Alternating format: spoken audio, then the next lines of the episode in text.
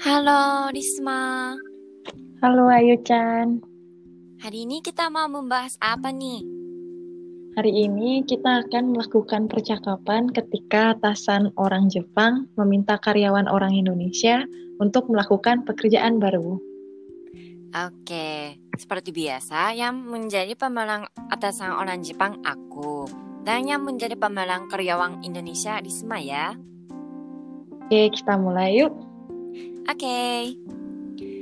Rismaさん、ちょっといいかなはい、このデータ入力の作業をお願いしたいんだけど、わかりました。どんな作業ですか資料に載っている数字を Excel ファイルに入力するだけだよ。わかりました。資料と Excel ファイルは今から送るね。はい、確認します。締め切りはいつですかうーん、急ぎだから今日中にお願いしたいな。わかりました。今しているお仕事は後回しでいいですかそうだね。悪いけど、こちらを優先して。承知しました。わからないことがあったらいつでも聞いてね。ありがとうございます。頑張ります。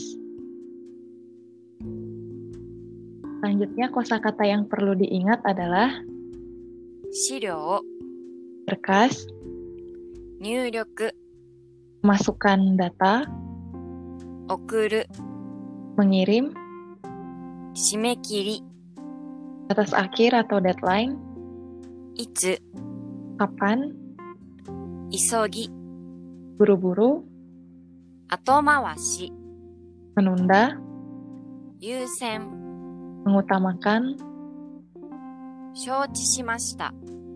baik atau saya paham. 頑張ります。 Saya akan melakukan yang terbaik atau bersemangat.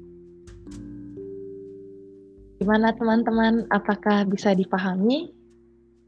Dalam hari ini, jika diminta melakukan pekerjaan apapun, pastikan waktu batas akhir penyelesaian pekerjaan sebelum menerimanya ya. Hmm. Kemudian jika diberitahu untuk menyelesaikannya hari ini, artinya atasan ingin kita menyelesaikannya selama jam kerja jika memungkinkan. Selain itu, eh, jika bisa menyelesaikan tugas pada waktu yang tidak terlalu dekat dengan deadline, itu akan memberikan kesan yang baik ya. Hmm. Oh iya Ayu-chan, kemarin-kemarin saat Ayu-chan live Instagram nih, Mm-mm. banyak yang bertanya tentang syarat bekerja di perusahaan Jepang ya. Iya, Risma. Eh, setahu aku sih, orang asing yang kerja sebagai karyawan itu eh, biasanya sudah punya sertifikat JLPT N2 dan eh, kalau bisa sudah punya N1 ya. Hmm, iya ya, itu kan syarat utama. Tapi walau sudah punya sertifikat N2 atau N1 nih, Hmm. belum tentu kan bisa dapat kerja karena harus melewati proses seleksi termasuk wawancara seperti yang juga dilakukan orang Jepang kan ya. Benar banget ya, Risma. Tapi akhir-akhir ini aku lihat banyak orang asing yang kerja sebagai karyawan perusahaan ya. Hmm, berarti sepertinya cukup besar ya kemungkinan orang asing untuk bisa kerja sebagai karyawan di perusahaan di Jepang kan. Mm-mm. Yang penting mencoba dulu ya.